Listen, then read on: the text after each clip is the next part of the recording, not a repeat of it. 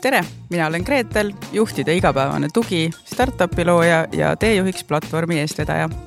mina olen Indrek, kogenud meeskonnajuht, arendaja ja startup'i looja. aa, ja me oleme juhtumisi ka abikaasad. omavahel räägime Teejuhiks podcastis erinevatel juhtimis- ja meeskonnateemadel ning üleüldse elust ja olust, mis selle kõigega kaasas käib. Teeme seda kõike lähtuvalt juhi rollist ja kõrvalseisjate vaatevinklist jagame kuulajate muresid ja rõõme ning ka endi mahlaseid kogemusi.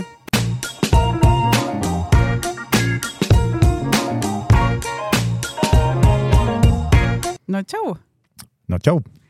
ma siin vaatan, et me oleme kahekesti jõudnud äh, teise osasse meie podcastis. jah, osa, osa kaks oleme endiselt siin, et et äh, midagi läks vist õigesti esimese osaga. Tead, mulle tundub, et äh, äkki läks päris palju okeilt, kui äh, me ikkagi kuidagi juhtumisi seal podcast chart'is äh, teisel kohal maandusime. jah, ja, ja, ja alustaks seda teist osa siis ühe asjaga, mida ma alati olen tahtnud teha. Ja, ja, ja see kõlab, kõlab siis niimoodi, et äh, ja tere õhtust ka minu poolt. Et, et selles mõttes, et alati olen tahtnud teha iga õhtu uudistesaates, ma kuulen seda, see on lihtsalt suurepärane. ja, ja ma lihtsalt tahtsin küsida, selle teemaga seoses, et, et kas sa tead, mida räägitakse inimestest, kes ei ole naljakad? no valgusta mind. sa ise praegu rääkisid sama juttu, mitte midagi on vastus.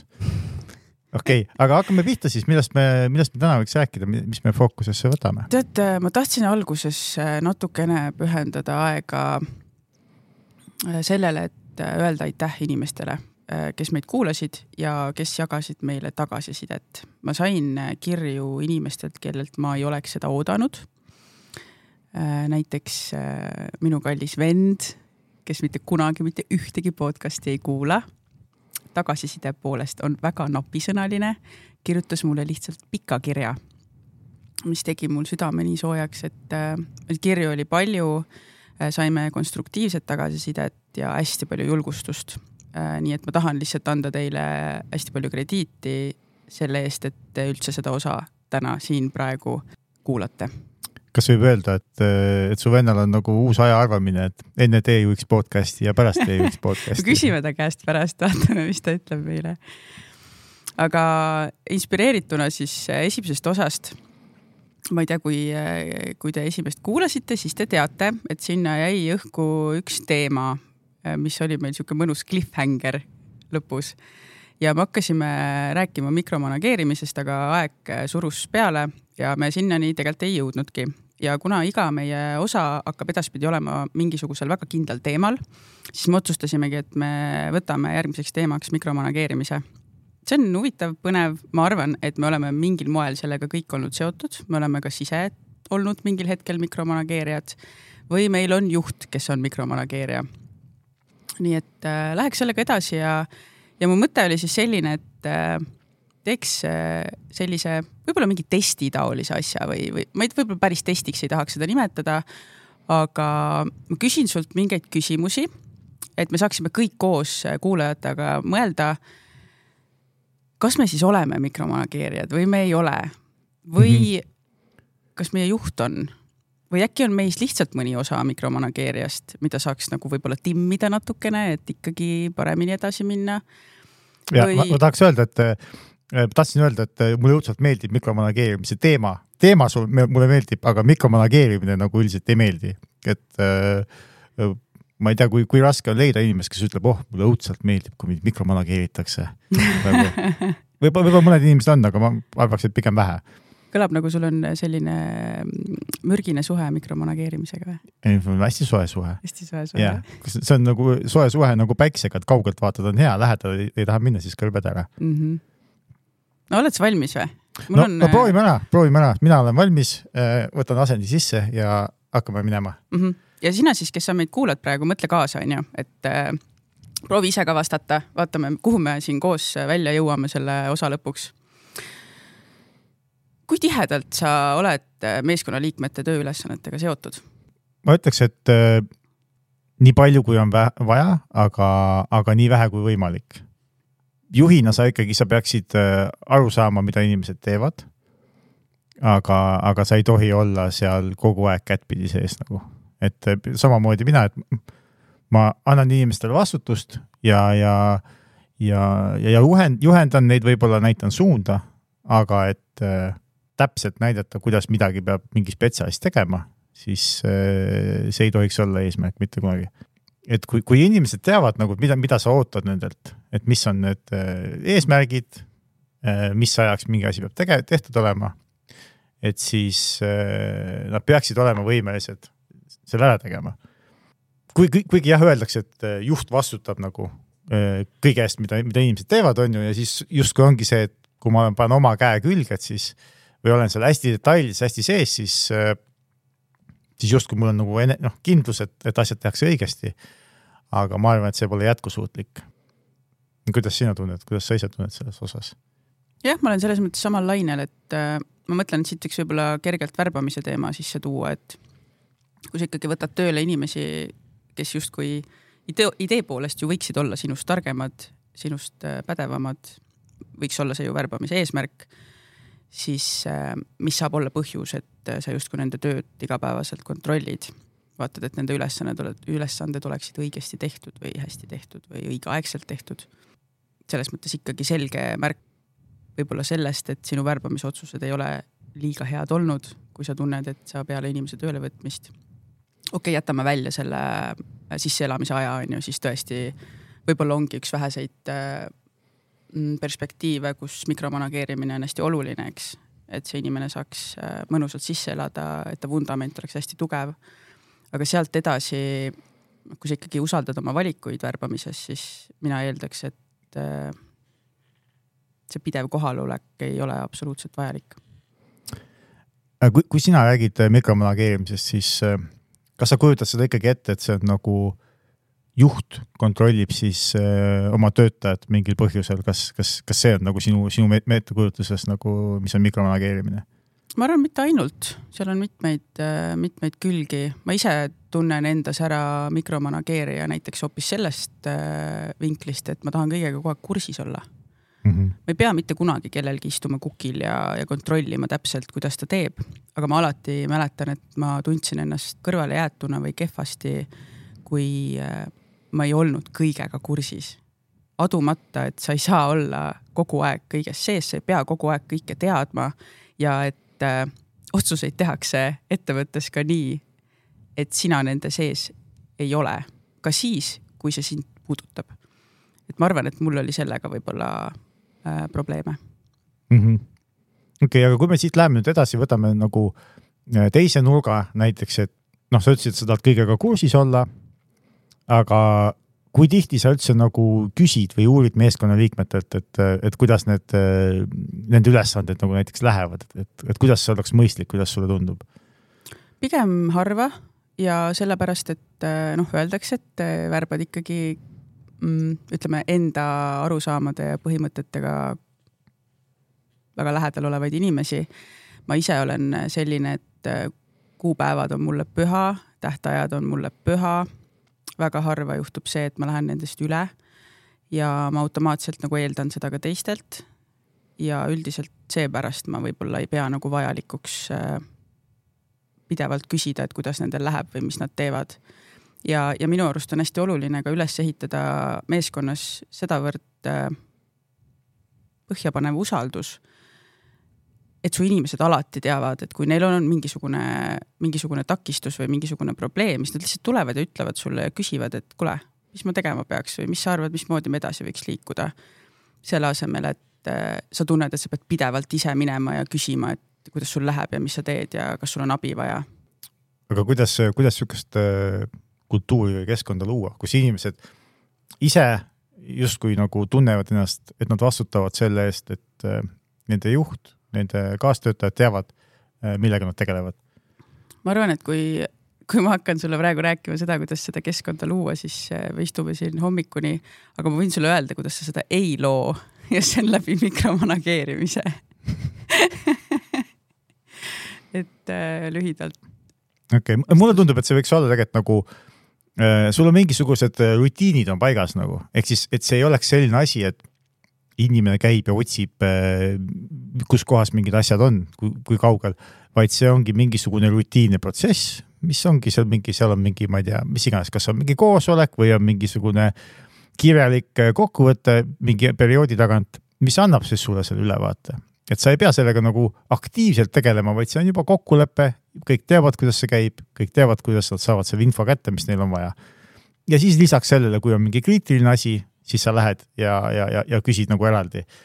et minu meelest selline näide on äh, äh, tarkvaraarendus äh,, siuksed äh, protsessid on siis äh,, on iga päev on viieteistminutiline koosolek, kutsutakse stand-up'iks kus siis kõik inimesed räägivad, mis nad tegid eile, mis nad teevad täna ja kas neil on mingisuguseid asju, mis, millega nad on hädas äh,. selle stand-up'iga muidugi on üks, üks, üks nali ka, et, et kui on, mees on arendaja ja siis naine küsib ta käest, et mis, mis kell sulle või kuidas sul need koosolekud on ja mees näitab oma kalendrit ja siis naine ütleb, et kuule, et ma ei saa küll aru, minu meelest see küll naljakas ei ole, aga iga päev viisteist minutit teed stand-up'i nagu, et midagi on väga mööda läinud, noh. see on see, kui äh, töötavad inimesed erinevas valdkonnas. jah, et see on nagu imelik, et miks, miks inimesed peavad äh, kamp, kambaviisi tegema stand-up'i iga päev mm. -hmm aga, aga mida mina olen näinud nende stand-up'ide juures, et see peaks olema hästi, see stand-up'i nagu see sõnastus või see mõte on see, et inimesed seisavad püsti. Ehk siis, kui sa seisad püsti, sul on piisavalt ebamugav, et sa räägid kiiresti ära. noh, ütleme seal koosolekul on viis, kuus, seitse inimest, et nad peavad selle viieteist minutiga jõudma igaüks ära rääkima oma osa. ja, ja selle mõte on see, et äh, infot jagatakse ja selle mõte on see, et äh, kui mingisugused probleemid on, siis tiim teab ja nad saavad kokku leppida, kes aitab või kuidas me teeme, mis muudatusi me teeme äh, aga minu kogemus ütleb et üheksakümmend viis protsenti seda ei juhtu, üheksakümmend viis protsenti on, on selline asi, et inimesed räägivad, äh, mis on nende äh, ülesanded, mis on need asjad, mis nad teevad ja, ja igaüks mõtleb enda asjade peale. ehk siis igaüks juba sel ajal, kui teine inimene räägib, ta võib-olla mõtleb, mida ma, mida ma rääkima pidin, mida ma rääkima pidin. ja siis ongi selline status check põhimõtteliselt räägitakse ära ja, ja lähevad inimesed laiali.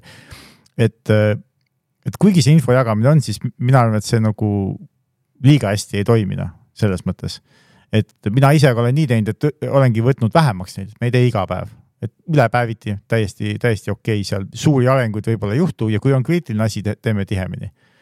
et see on nagu samasuguse mõju andnud jälle, koosolekuid vähem äh,. tundub nagu mugavam inimestele. võib-olla siit ongi hea edasi minna koosolekute teemale. et äh, ma tegelikult olekski tahtnud küsida sult, et äh, kui palju sa üldse osaled koosolekutel ja millistel sa pead oluliseks osaleda, millistel üldse mitte? no mina, mina üldiselt äh, armastan koosolekuid äh, vältida. et mulle koosolekud äh,, kui võimalik, siis ma ei lähe. ma mõtlesin, sealt tuleb, mina üldiselt armastan koosolekuid. ja see, vaata kui sa. mis sul hakkas mingi insult tuli vahepeal. jah, kui inimesed ütlevad, mis on, äh, et nad armastavad koosolekuid nagu siis, siis mina tahaks kohe teada, et Eh, milline see nende siis eh, päevaplaan on. et eh, mulle ei meeldi koosolekud, sest et, sest et minu päevaplaan võib ka olla selline, et mul on viis tundi järjest intensiivseid koosolekuid ja kui sa viis tundi järjest arutad, süvened, hästi tehniline jutt, erinevad teemad, siis sa tõesti ei taha enam neid koosolekuid näha. aga mis, mis mina teen, on koosolekud, kus, kus ma ei ole aktiivne pool, siis ma proovin neid vältida nagu ma proovin kas saata selle kellegi enda tiimist, kes on aktiivne seal näiteks, kes tegeleb selle projektiga ja öelda, et pärast lühikokkuvõte või kui ei ole midagi olulist, mingeid olulisi arenguid, ei pea üldse midagi ütlema, ütle, et kõik on, protsess käib ja praegu midagi ei toimu. et, et sellises olukorras sa justkui vabastad enda aja sellest asjast, kus sa oleksid passiivne kuulaja. ja, ja noh, ja see ja suurt väärtust sina juurde ei anna sinna ja, ja, ja tegelikult on hästi kallis, kui on ilge punt inimesi koosolekul, kust eh, ma ei tea, kümnest inimesest seitse eh, istub eh, niisama, onju. Nendest võib-olla kolm-neli saab väärtuslikku infot, on ju, ülejäänud ei saa, ei saa väärtuslikku infot ja siis paar inimest räägivad nagu, arutavad omavahel seal mingisugune ja, ja võib-olla mingi tunde teinekord on ju. Jah, see on see, et unustatakse ära, et kuus inimest tund aega koosolekuruumis ei ole tunnine koosolek, vaid mm -hmm. ka kuuetunnine on ju. ja, ja kus, kusjuures äh, minu meelest Google kalendaris või kuskil on, on selline asi, mis näitab, et kui palju sa oled koosolekutel olnud ja siis ta näitab, kui kallid koosolekud need on sulle. et, et sa saaks aru, et äh, ikkagi aeg on raha ja, ja passiivseid inimesi sinna võib-olla vaja ei ole. jah, üldiselt äh, on nii, et äh, need tegelased, kes kipuvad äh, meeskonnas või ettevõttes ikkagi olema absoluutselt kõikidel koosolekutel kohal, minu meelest tekitab küsimusi. mis on selle väärtus, miks nad igal pool peavad kohal olema? võib-olla nad on ka isegi mitte passiivsed, vaid sellised, kes absoluutselt igal koosolekul sõna võtavad, räägivad, arvavad et mingis osas on aktiivsus alati väga äge, mingis osas pole üldse. on kohad, kus sa võiksid olla aktiivne on kohad, kus sa ei pea olema, äh, kus sa saaksid aega säästa ja teha võib-olla mingeid muid asju, et sellise mikromanageerijast juhi päris tugev tunnus on minu meelest see, et sa tunned ära selle järgi, et ta on absoluutselt kogu aeg igal pool mm. -hmm. minu meelest on nii ka, et kui, äh, kui juht on koosolekul, siis ta on mõnes mõttes nagu natuke nagu ankur et, et inimesed on oma loomuselt hästi mugavad ja kui sul on ülemus koosolekul, siis võib-olla sa ei julge rääkida nii palju, võib-olla sa ei julge avaldus, arvamust avaldada, võib-olla sa ei julge otsuseid vastu võtta, sest et sa vaatad tema poole, et võta otsus vastu, kuna sina oled siin ja ja, ja ma olen näinud ka sellist asja, et et meil oli selline olukord, kus meil võeti uus disainer tööle ja, ja uus disainer tuli tööle ja, ja me ei saanud temaga rütmi nagu käia, et käima nagu. Ja, ja mis siis juhtus, oli see, et äh, rääkisime tema ülemusega sellest ja, ja siis justkui võtsime tema ülemuse endaga äh, punti koosolekutele. ja, ja mis, mis see kaasa tõi, oli siis, et äh, see disainer oli üldse täiesti vait ta kunagi midagi kaasa ei rääkinud, see juht, kes temal oli, see siis arutas igasuguseid asju, tegi seal plaane, säkke-värke ja, ja me tegelikult ei saanudki teada, et kuidas selle inimesega koos töötada. Kui see mingisugune periood oli möödas, see disainijuht läks eemale oma muid asju tegema, siis me olime täpselt samas kohas selle disaineriga. aga mis muutus, nii kui ülemus oli läinud, see inimene hakkas rääkima, see inimene hakkas arvamust avaldama, see inimene hakkas pakkuma välja asju ja asjad hakkasid liikuma, sellepärast et tal ei olnud sellist inimest, kes siis nagu hõljub tema kohal, eks, kes siis nagu võib-olla Äh, võtab tema eest otsuseid vastu ja, ja, ja, ja dikteerib justkui seda, seda rolli. ja siis hakkasid asjad toimima. Jah, ma arvan, et äh, tahtsin tegelikult nende koosolekute osas ka veel öelda, et, et äh, et paljud juhid äh, teevad neid koosolekuid selliselt, et terve aeg nad räägivad. ja minuni jõuab neid ka äh, kurtes selle üle, et töökaaslased, meeskonnakaaslased ei panusta, ei jaga ideid, ei ütle, mis nendele meeldib, mis nendele, mis nendele ei meeldi, kuidas nad tahaksid edasi minna. täpselt see, et sa ei näe nende võlu mitte kunagi, sa ei saagi seda tundma õppima, sellepärast et sa võtad selle õiguse nendelt ära sellega, et sa oled lihtsalt ise nii domineeriv ja ise äh, nii puldis kogu aeg. sa täidad tunnise koosoleku sisuliselt ainult oma jutuga ära. et ma arvan, et see on üks ühine joon äh, ka päris sageli märgatav ja äratuntav.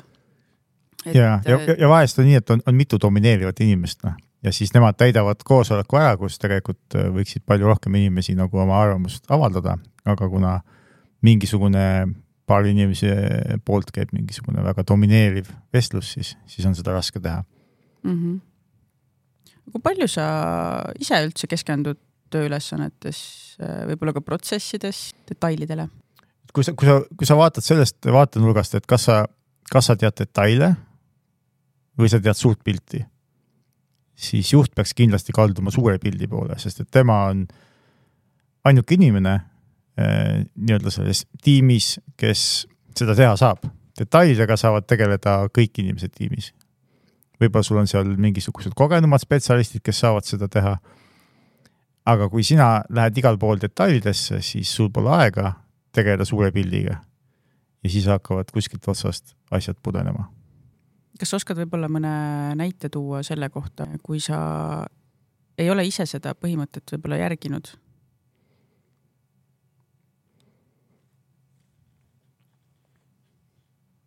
no jooksutasin su kokku või no neid on nii palju, neid olukordasid, ikka ah, tahad, ikka tahad äh, käe külge panna mm. -hmm. et äh, võib-olla see ongi nagu spetsialisti kõige suurem väljakutse, millest me natuke eelmine kord võib-olla rääkisime ka. Et sa lihtsalt ei oska oma käsi eemal hoida sellest, sest et sa oled ise selles sees olnud, sa oled ise seda teinud ja nüüd sa pead järsku hakkama mingeid eh, samasuguseid tegelasi juhtima selle asemel, et ise käed külge panna. ja, ja, ja vahest nagu käed sügelevad ka, ütleme, kui on nagu mõni uus inimene näiteks, kes ei ole veel nii kursis asjad, siis sa oled, mõtled, ma teeksin selle viie minutiga ära nagu. et ma, ma teen ära selle aga äh, et noh, et sellel inimesel läheb õppimisega aega ja siis võib-olla ta noh, ta teeb kahe tunniga onju. Aga mis tihti juhtub, on see, et äh, viis minutit on ju, teed seda viis minutit ja siis äh, sul lendab mingi asi sisse, mis on olulisem ja siis lõpuks on, mul on olemas mingisuguseid asju, mida ma olen teinud neli kuud, mille tegelikult nagu tööpingutus on ütleme üks päev aga kuna lihtsalt see on täiesti, pole mingi prioriteetne asi, see pole mingi asi, mis on jube oluline teha, vaid see on niisugune, mis aitab kaasa, ütleme. ja siis selle asemel, et ühe päevaga see ära teha, kuna mul see graafik käib erinevat moodi, siis, siis teed neli kuud seda. ja siis lõpu, lõpuks ikka annad kellelegi spetsialistile, ütled, kuule, tee see lõpuni, et ma neli kuud, ma ei ole hakkama saanud, ega ma järgmise nelja kuuga ka ei saa. et, et nii see on, kuna noh, prioriteedid on teised sul juhtimise poole pealt ja, ja kogu meeskonna kooshoidmise poole pealt, siis, siis need detailid, need asjad ei saa kunagi seda üle trumbata. ma liiguks edasi järgmise küsimuse poole. No vaatame, mis sul veel pakkuda on Show me what you got. võib-olla see ongi natukene nagu seotud eelmise teemaga ka, et eh, kui sa ütled, et käed sügelevad ja tahaks jubedalt ise asju teha, siis eh, kui palju sa tegelikult sellest lahti lased ja üldse oma meeskonnaliikmetele initsiatiivi annad või või üldse lood selle keskkonna, kus nad saavad öelda, et kuule, ma nüüd tahaks proovida hoopis seda, tahaks teha hoopis midagi muud põnevat. Mis, mis äh, suhe sul selle põhimõttega on või sellise suhtumisega? minu põhimõte on äh, selline, et äh, võimalikult palju anda inimestele asju kätte, projekte kätte, et nad saaksid areneda, nad saaksid teha asju, õppida, kindlasti ka läbi kukkuda kõvasti aga alati pakkudes neile tuge, öeldes, et mis iganes on, kui on vaja, tulen, aitan sind, leian inimesed, kes aitavad igal sammul. ja siis nad saavad seda proovida. aga mis on juhtunud sellises olukordades, on, et tegelikult inimesed tahavad olla hästi iseseisvad, tahavad hästi palju ise pingutada ja kui nad näevad, et see tulemus, mida nad saavutavad, on, on ka tunnustatud ja, ja seda märgatakse, siis äh, järgmised korrad nad teevad seda palju parema meelega. ja esimesed korrad on kindlasti ebamugav, kindlasti ebamugav. Nii, nii juhile kui ka inimesele endale, et kuidas pihta hakata, kuidas mida teha. Äh, juhil on võib-olla see, et äh, inimene piisavalt kiiresti ei saa asjadega hakkama, võib-olla kahtleb seal mingis asjas, kuna on ebakindel. Et, et see tekitab kindlasti niisugust valu nagu, aga, aga edaspidi lähevad asjad ainult paremaks. Ja, ja ma olen näinud seda nagu, ma ei tea, kümne-viieteist inimese puhul, ma annan neile nii keerulise asja, ma ise ka ei oska seda teha. Ma ei saa, ma ei tea aru, ma ei saa arugi, kuidas seda teha. ja ma annan kätte. ma, ma võin ühe näite tuua äh,. arendasime siis äh, äh, ühesõnaga ühte totaalselt uut süsteemi ja mida see tähendas, oli, et meil oli vaja viie erineva arendusmeeskonnaga kokku leppida, kuidas me seda teeme nagu. ja, ja see oli hästi keeruline sellepärast, et, et no mis iganes infovahetus toimus, see läks läbi viie süsteemi ja siis andsin siis ühele hästi kogenud arendajale selle ülesande, et, saa aru, kuidas see asi töötab, leia inimesed igast tiimist, kellega suhelda ja, ja tee asi ära. ja see inimene, ta suutiski äh, aru saada, kuidas see keeruline süsteem Äh, toimib, kuidas mingi info liigub läbi viie erineva süsteemi, leppis erinevate, ma arvan, seal oli kuus erinevat arendajat oli pundis erinevast, erinevatest tiimidest ja, ja tegi asja ära. Ja, ja, ja sellest räägitakse siiamaani nagu.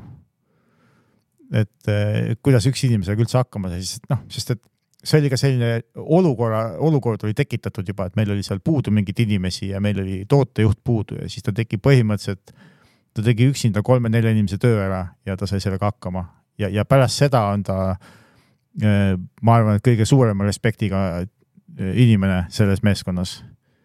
vaata, ma arvan, et see mikromanageerimine üleüldiselt lihtsalt summutab kõik anded ja oskused ja, ja pädevuse. just nimelt sellepärast, et ma praegu mõtlen selle peale, et äh, sellised mikromanageerijatest juhid tihtipeale kiruvad meeskonnaliikmeid, et kui mina neid ei mikromanageeri, kui mina ei istu kõrval, kui mina ei anna täpseid juhiseid, kuidas midagi teha tuleb, siis nad lihtsalt ei oska, nad ei saa aru mitte midagi, nad ei tee mitte midagi, nad on mingid andetud, mingid põrssad, onju. ja, ja vaata hästi lihtne, võib-olla toon nagu lastega näite, et sa võid ju nendesse tegelikult täpselt samamoodi suhtuda aga kui palju sa tegelikult annad neile üldse seda vabadust ise mõelda, ise otsustada, ise teha, valesti teha, mis on ju täiega normaalne viis, et sa kasvaksid ja areneksid ja jõuaksid kuhugi ja liiguksid kuhugi. et ma tunnengi, et võib-olla, ma ei tea, kas ma olen võib-olla liiga dramaatiline praegu, aga minu meelest on see võib-olla mikromanageerimise kõige suurem negatiivne osa et sa ei saa mitte kunagi tegelikult märkama, milleks need inimesed su ümber üldse võimelised on. ja, ja sama näide nagu laste puhul on ju, et me pidevalt suuname neid, me pidevalt eh, tahame neile öelda, kuidas midagi tehakse. mismoodi meie oleme harjunud neid asju tegema, me jälgime, vaatame, mismoodi nad need teevad, juhendame hästi tihedalt. Ja unustame, et kui me korraks nagu sammu tagasi astume, siis me näeme, kuidas päriselt nad asju teeksid võib-olla nendel oleks hoopis palju kihvtimad lahendused. et töötajad ju täpselt samamoodi. et see võlu nagu tulebki välja ainult siis, kui sa lased asjadel minna ja astud sammu tagasi. aga sa oled nii tihedalt kuidagi nendes nagu sees ja see usalduse probleem on päris suur, sa ei usalda nende oskusi ja nende pädevust. Äh, läbi selle siis nagu kontrollid nii-öelda olukorda. Ja siis kahjuks võib-olla, kui sa seda protsessi nagu ei muuda, siis sa võidki kümme aastat sama meeskonnaga töötada, nende juurest mingil hetkel võib-olla ära minna, sa tegelikult ei saa mitte kunagi teadma, mis on päriselt nende võimekus. sa ei ole lasknud nendel kunagi seda ise saavutada mm. -hmm. ja mul on olnud ka äh, selline, minu alluvuses selline juht siis, kes, kes oli hästi aktiivne igal pool, hästi aktiivne, kõik kõik arutelud, plaanid, asjad, alati ta oli kohal. ja siis ma ütlesin talle, et kuidas, kuidas sa näed, et, et inimesed sinu, sinu tiimis kasvavad, kui, kui nad ei pea kasvama. mitte miski ei sunni neid. Nad teavad, et sina võtad otsuse vastu, nad teavad, et sina märkad vigu projektides näiteks, pakud välja parimaid lahendusi, sul on kõige rohkem kogemust. kuidas sa arvad, et nad kasvavad nagu? ja see pani ta mõtlema jah, kas sa põhimõtteliselt ütled, et tekib nagu see nii-öelda õpitud abitus nendel või? midagi sellist, mis ja. on meil kodus väga, väga tüüpiline teema. mul on alati nii, mul on kaks varianti, kui ma lähen reisile, mul on kaks varianti, kas asi sõltub minust või asi ei sõltu minust. kui asi minust ei sõltu ja nüüd keegi teine on kaardilugeja, ütleme nii. Sa räägid siis meie reisidest või? üks jah, see võib olla meie reisid, võib olla ka mingi tööreisid, eks. kui ma tean, et asi minust ei sõltu, ma ei tea, kuhu ma lähengi saad aru? sa ei tea, kus riigiski sa oled? ma ei tea, kus riigiski ma käisin. sa pärast küsid, et kus oh,, käis, kus me reisil käisime? käisin, ma ei tea, käisin Saksamaal, mis linnas, ma ei tea, suur oli. seal olid rongid ja sellepärast, et ma, ma lihtsalt ei pea selle peale mõtlema, ma tean, et on orgunnitud, keegi võtab käe kõrvalt, viib mingisse, ma ei tea, taksosse on ju, see sõidutab kohale, kõik asjad on tehtud. Ja see on nii lihtne ja see on hästi mugav. aga kui sa, kui sa tead, et sina vastutad või, või vähemalt natukene pead, pead huvi tundma nagu juba on teine dünaamika, juba sa oled okei okay,, sa vaatad, okei okay,, kui kaugel mingid asjad on, mis linn on, kus söögikohad on, mingid asjad. hoopis teistmoodi ja, ja aju töötab ja õpid palju rohkem, noh. kui palju sa tegelikult üldse töökeskkonnas annad ruumi inimestel ise otsuseid langetada? et võib-olla, kui sa selle reisi paralleeli tõid ja ja räägid sellest, kuidas sa käid reisil ja otsustusvõime on tegelikult täiesti teistel ja sina lihtsalt äh, chill'id kaasa, onju siis äh, kas see töö juures töötab niimoodi tegelikult? või mõjub see hoopis negatiivselt äh, meeskonnale? see töötab, kui inimene on kogenud inimene. ja, ja see töötab siis, kui äh, tagasiside tihedus on hea. Ehk siis sa usaldad, aga sa annad suuniseid kogu aeg, et näed, siin ma näen, see oli puudu, siin oli hea, siin oli natuke puudu ja nii edasi. ja mina olen alati teinud niimoodi, et äh, kui mul on juba kogenud inimesed, äh, ma ütlen neile, et näed, me peame seda projekti tegema. ja siis äh, küsin enda käest, et okei okay,, järgmine nädal me planeerime kaheks nädalaks mingid ülesanded. Too ülesanded, et mida, mida sa arvad, et mis järjekorras peaks seda projekti tegema. Ja inimene ise, ta teeb ise kõik plaani, kõik asjad, kõik, me lepime kokku lihtsalt selle kondikava ja, ja aja, ajaplaani või selle, kui, kui, mis ajaks on valmis vaja saada. Ja inimene tuleb ja töötab nagu, noh, kogenud inimestega töötab suurepäraselt. see töötab nagu kahel, kahel põhjusel, esiteks noh ta tunnebki, et äh, teda usaldatakse, on ju, tal on, tal on hea olla. Ja teiseks ta on rohkem motiveeritud tegema seda hästi, sest et see on tema töö, kõik on tema töö. ja ta tahabki näidata, et, äh, et ma teen seda hästi ja ta hoolib sellest selles mõttes ka, et mis iganes ette tuleb, ta peab, läheb puhkusele, ta peab selle üle andma, ta näeb vaeva, et leida see inimene, kes saaks aru, kes teeks ära, sest see on äh, tema projekt ja mul jälle siin, ma ei tea, miks mulle täna nii väga lapsed õlale koputavad selle podcast'i jooksul. Aga nendega tegelikult täpselt samamoodi, eriti meie vanema lapsega. ikka sa leiad ennast olukorrast, kus sa ütled, kuidas midagi võiks otsustada või mismoodi ta võiks edasi minna. aga proovi ükskord küsida, mis sa arvad, kuidas sa tahaksid edasi minna.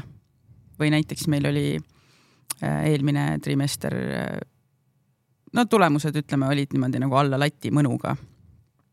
Ja, ja kui ma tavaliselt ikkagi proovin teda suunata äh, erinevate lahenduste poole, siis seekord ma lihtsalt küsisin, et äh, mismoodi sa näed, et sa järgmine veerand võiksid teistmoodi midagi teha, et saada paremad tulemused. ja sealt tuleb puhast kulda. lihtsalt kuulasin ja tal olid lahendused olemas. teadis, mida võiks teha, mida võiks muuta. mina lihtsalt kuulasin ja kui ma ta ära kuulasin, siis ma lihtsalt pakkusin talle paar ideed, mis teda võiks aidata, et ta jõuaks sinnapoole, kuhu ta ise ütles, et ta tahab minna. üliäge, ma olin nii kuidagi uhke tema üle eh, versus see, et sa söödad pidevalt mingeid asju ise ette. oled sa juht või oled sa ema või isa või seal pole mitte mingit vahet tegelikult. aga mul meenus praegu, sa kunagi rääkisid mulle mingi eriüksuse näite mm. -hmm kas yeah., mulle tundub, kas see sobiks siia hästi, kas sa tahaksid sellest rääkida äkki või? ma arvan, et see sobib siia ideaalselt. et, äh, et see näide on siis selline, et kuidas nagu äh, meeskonna selline vaim nagu aitab asju teha. ja, ja USA eri, eriüksuse katsetel, mis siis on äh, mingi nädalajaline põrgu põhimõtteliselt, siis seal üks osa on, kus äh, inimesed jagatakse gruppidesse Äh, siuksed äh, kuueliikmelised äh, tiimid tehakse ja nad peavad kummipaadiga tormisel merel tegema mingi ülesande, niisuguse raske ülesande, mingisugune tund aega sõudma vastu laineid kuskile ja tagasi. ja mis siis tehti, on, tehti esimene võidusõit ja, ja jälgiti neid inimesi, igal siis paadil oli üks juht ja siis oli viis inimest, kes seal toimetasid. ja pärast seda esimest sõitu siis tehti nii, et see tiim, kes võitis, selle juht tõsteti tiimi, kes jäi viimaseks, ehk siis tekkis olukord, kus äh, parima meeskonna juht läks kõige halvemat meeskonda juhtima ja kõige halvema meeskonna juht läks kõige paremaid äh, juhtima. ja tehti uuesti samasugune võidusõit. ja, ja kas sul on aimu, mis see tulemus võiks olla sellises olukorras? absoluutselt tahad, ma räägin sulle või? No räägi, mis sa arvad? no üldiselt ma ei tea, ma ise mõtlen, et, et kui sa oled ikkagi toimima meeskonna saanud, nad teavad, kuidas see energia nende vahel on, millised ülesanded nendel kõigil on, mismoodi see kõik töötab, siis kes iganes äh, mingisugune suvaline inimene võib tulla neid juhtima seda on noh, võib-olla pika ajaga on nagu suudetakse võib-olla see ära nullida lõpuks, ära tappa see meeskonna vibe. aga üldiselt, kui sul on kohe head tulemust saada, siis sa saad selle tulemuse, sest see meeskond lihtsalt töötab nii hästi. mitte keegi ei saa seda väga lihtsalt murda. mina usun nagu, et, et see võiks nii olla. jah, aga täpselt nii läkski, et äh, see väga hea tiim äh, halva juhiga, nemad võitsid teist korda järjest ja see väga halb tiim väga hea juhiga, nad said teise koha. ja, ja põhjus on sellepärast, et see pingutus oli piisavalt pikk et see hea juht suutis tekitada sellise meeskonna vaimu ja, ja sundida neid pingutama rohkem kui siis eelmine, eelmine kord ja nad äh, said siis nagu suurepärase tulemuse mm. -hmm. väga inspireeriv äh, näide minu yeah. meelest. minu meelest nagu sa võid nagu sellele, äh, see, mis sa ütlesid, oli väga õige, nagu et inimesed on juba hästi kokku töötanud ja siis justkui nagu töötavad edasi kokku. Äh, sa võid seda mõelda, kui et üks meeskond on nagu rong. et rong on suur ja raske ja kui ta saab oma kiiruse kätte, siis ta inertsist liigub edasi nagu. kui sa võtad, noh, sa lülitad mootorid välja räägid, räägid, siis ta liigub edasi, ta ei pea, ta ei saa kiiresti peatuda. ja kui sa oled väga hea tiimi teinud, kellel on omavaheline klapp, kõik asjad on hästi, siis selle ülemise lüli sealt äravõtmine, see ei mõjuta teda nagu mõnda aega. Jah, ja, ja, ja mikromanageerimise kontekstis siis võib-olla see on oluline ära märkida, et et sina oled olnud küll see juht, aga see meeskond on pandud lihtsalt nii hästi käima et nad üksteist usaldavad, nad suudavad ise otsuseid vastu võtta, nad suudavad rasketel aegadel kõigega toime tulla ja sealjuures jääda ikkagi nagu ühtseks. jah. et see ei, ei tähenda kindlasti seda, et sul on lihtsalt inimesed, kes teevad absoluutselt kõike, mida sa ütled. sest et kui sind üks hetk nende kõrval ei ole, siis see asi lihtsalt laguneb koost. et samamoodi ma ütlen äh, oma klientidele tihti seda, et ma mõtlen just nendele, kes ei taha puhkusele minna, kes ei suuda ennast välja lülitada, nad peavad olema kogu aeg kõiges sees. siis ma alati ütlen, et kui sa tahad hinnata oma pädevust juhina, siis mine puhka kaks nädalat. ja kõik su vastused on su ees, kui sa tagasi tuled. sa näed ära need nõrgad kohad, sa näed ära nende tugevused, sa tead täpselt, kus sa oled mööda pannud ja kus sa oled hästi teinud ja saad läbi selle muutused ellu viia. kõige paremini sa ju näed ära meeskonna võlu siis, kui sind seal juures ei ole. ma mõtlesin praegu, et ma tunnen, et me oleme võib-olla päris sellised, noh, las inimesed ise otsustavad, las inimesed ise vaatavad, mõtlevad. Ma tean, et kõikide suhtumine ei ole üldse selline. aga võib-olla vaataks natuke teise nurga alt korraks, et äh, ma ei tea, kuidas sa ise näed, kas äh, mikromanageerimise totaalne puudumine võib olla ka kuidagi ohtlik? ma arvan, see võib olla väga ohtlik jah, et äh, noh, selle teine, teine äärmus on, on põhimõtteliselt jaga ülesanded kätte ja unusta nad ära. et äh, see võib töötada äärmiselt tugeva meeskonnaga, kes on töötanud võib-olla aastaid koos, on ju. aga, aga nagu enamus meeskondadega see päris nii ei toimi, et ikkagi äh, kursimuutused, tagasiside Äh, ja mis iganes konsultatsioonid on vajalikud. ja, ja seda ka mitmel, mitmel, äh, mitmel tasandil selles mõttes, et äh, inimesed ikkagi vajavad seda tuge, et, et nad teavad, et noh, nende ülemust nagu huvitab, mida nad teevad ja kuidas neil läheb, kui hästi nad hakkama saavad. aga mul tuleb meelde üks, üks, üks huvitav jutt oli sellest noh, ütleme, kutsume seda null, null mikromanageerimiseks on ju ja, ja, ja siis see jutt on selline, et äh, kuskil äh, USA-s oli äh, parkimisplatsil, suur parkimisplats, mis oli kaubanduskeskuse ees, oli üks parkimiskontrolör. Ja, ja, ja tekkis probleem, et teda üks päev ei olnud. ja siis inimesed lähevad poodi ja küsivad, et, et ma ei saa aru, et kus ma parkima pean või kuidas, et teil parkimiskontrolörit ei ole tööl täna, et kuidas nii saab.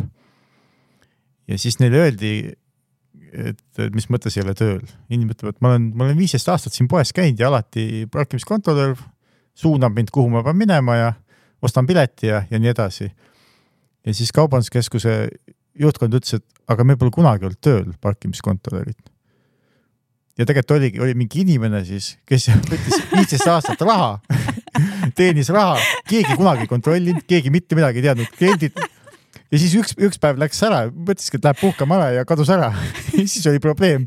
ja siis sai, saadi aru, et keegi pole kunagi aru saanud, et mingi inimene võtab raha parkimise eest sealt parkimisplatsi, et see on nagu halb, sa saad aru, et kedagi ei huvita nagu. Et see on sihuke huvitav, huvitav jutt. mis olukorras siis mikromanageerimine üldse hea on? no mingites, mingites stsenaariumites ja, ja võib-olla sellistes spetsiifilistes töövaldkondades vist ei saa ilma selleta nagu, et äh, iseenesest sihuke mikromanageerimine või sihuke kontrollimine või selline noh, see tekkis kuskil ammu-ammu mingi viie-kuuekümnendatel, kus siis äh, olid mingisugused äh, tehased või asjad, kus nagu kvaliteet ja, ja, ja kontroll oli hästi oluline. et äh, noh, seal ongi lihtsalt, et mingisugused kriitilised operatsioonid on, eks sa ei saa seal mingi puusalt panna. et noh, näitena tuua siis mingisugune näiteks äh, tuumajaamad, eks seal on hästi siuksed delikaatsed asjad, sa ei saa, sa ei saa lasta nagu lõdvaks, et äh, tuleb mingi uus inimene, kes pole ühtegi päeva tööd teinud, ütleb, mine sinna reaktorisse ja keera seal nuppe ja küll sa hakkama saad. Et noh, et samamoodi mingisugused. tulid Simsonid meelde praegu. jah, vot, vot Homer Simson on näide, kuidas inimest peaks mikromanageerima mikromanageerimise maskott. aga noh, Simsonid on eetris olnud ikkagi aastakümneid, noh, et siin tundub, et tal läheb ikkagi hästi veel et eh, nojah, teised kohad veel, kus on nagu hästi suured rahad mängus, et kus on näiteks mingisugune kalliskividega seotud mingisugune tootmine või, või kasiino või et, et seal peab olema see kontroll, et sa ei saa nagu inimesed ikka petavad, et kui see kaardidiiler seal, et ta ei, ei kuku kogemata mingisugused need rahad ei kuku taskusse või, või, või asjad, et, et eh, ja noh, seal, seal peab see nagu olema. tegelikult, tegelikult sa oled ju ise ka natukene kõrvetada saanud mikromanageerimise totaalse eiramisega selles mõttes, et et äh, andnud võib-olla mingid üliägedad projektid ja initsiatiivid töötajatele äh, võib-olla vaatamata, et mis sealt nagu edasi saab või, või mismoodi nad nagu sellega edasi liiguvad.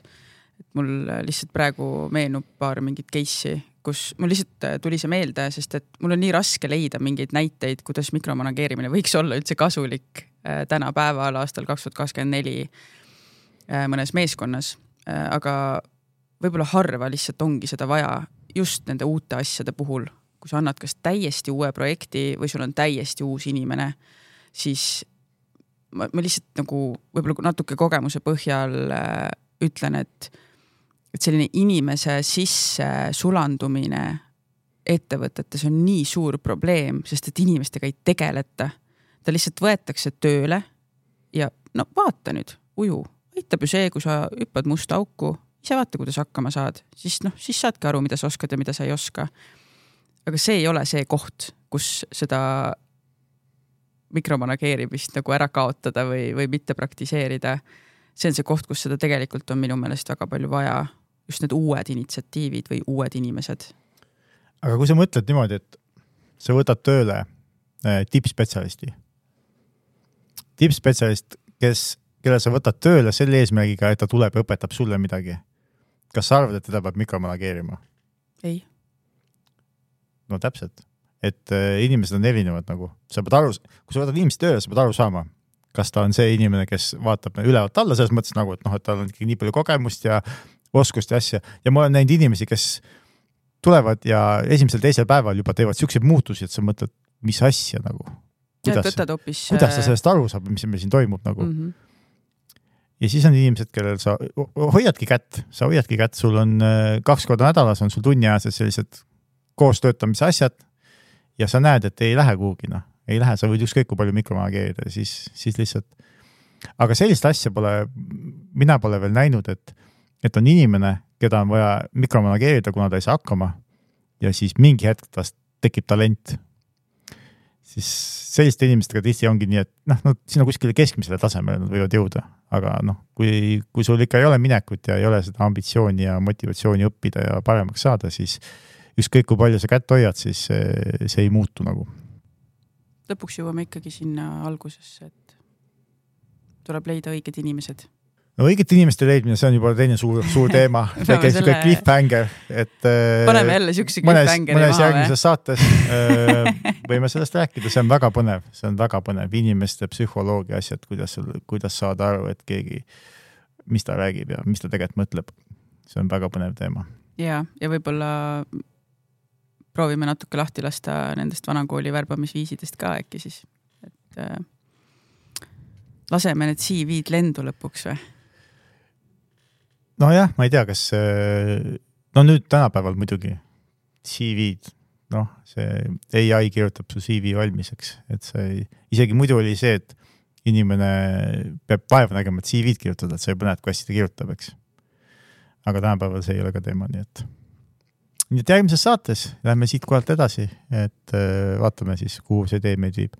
jah, ja eks teie endi otsustada siis äh, jääb, kas te tundsite ennast kui mikromanageerija ära või pigem mitte et tegelikult see on põnev ja seal on erinevaid tahke ja erinevaid külgi, et sellepärast me mõtlesime ka äh, rääkida nagu sellest äh, teemast äh, erinevate, erinevatest lähtekohtadest.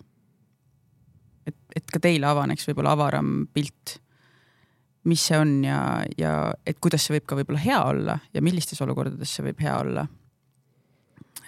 Et äh, loodame, et oli abiks tõmbame siinkohal, ma arvan, joone alla ilusti ja. pane oma lõpulause ikka ära ei, siis. muidugi, et äh, kõikidele suurepärastele kuulajatele, kes siiamaani vastu on pidanud, et olge mõnusad ja ongi kõik. tšau. tšau.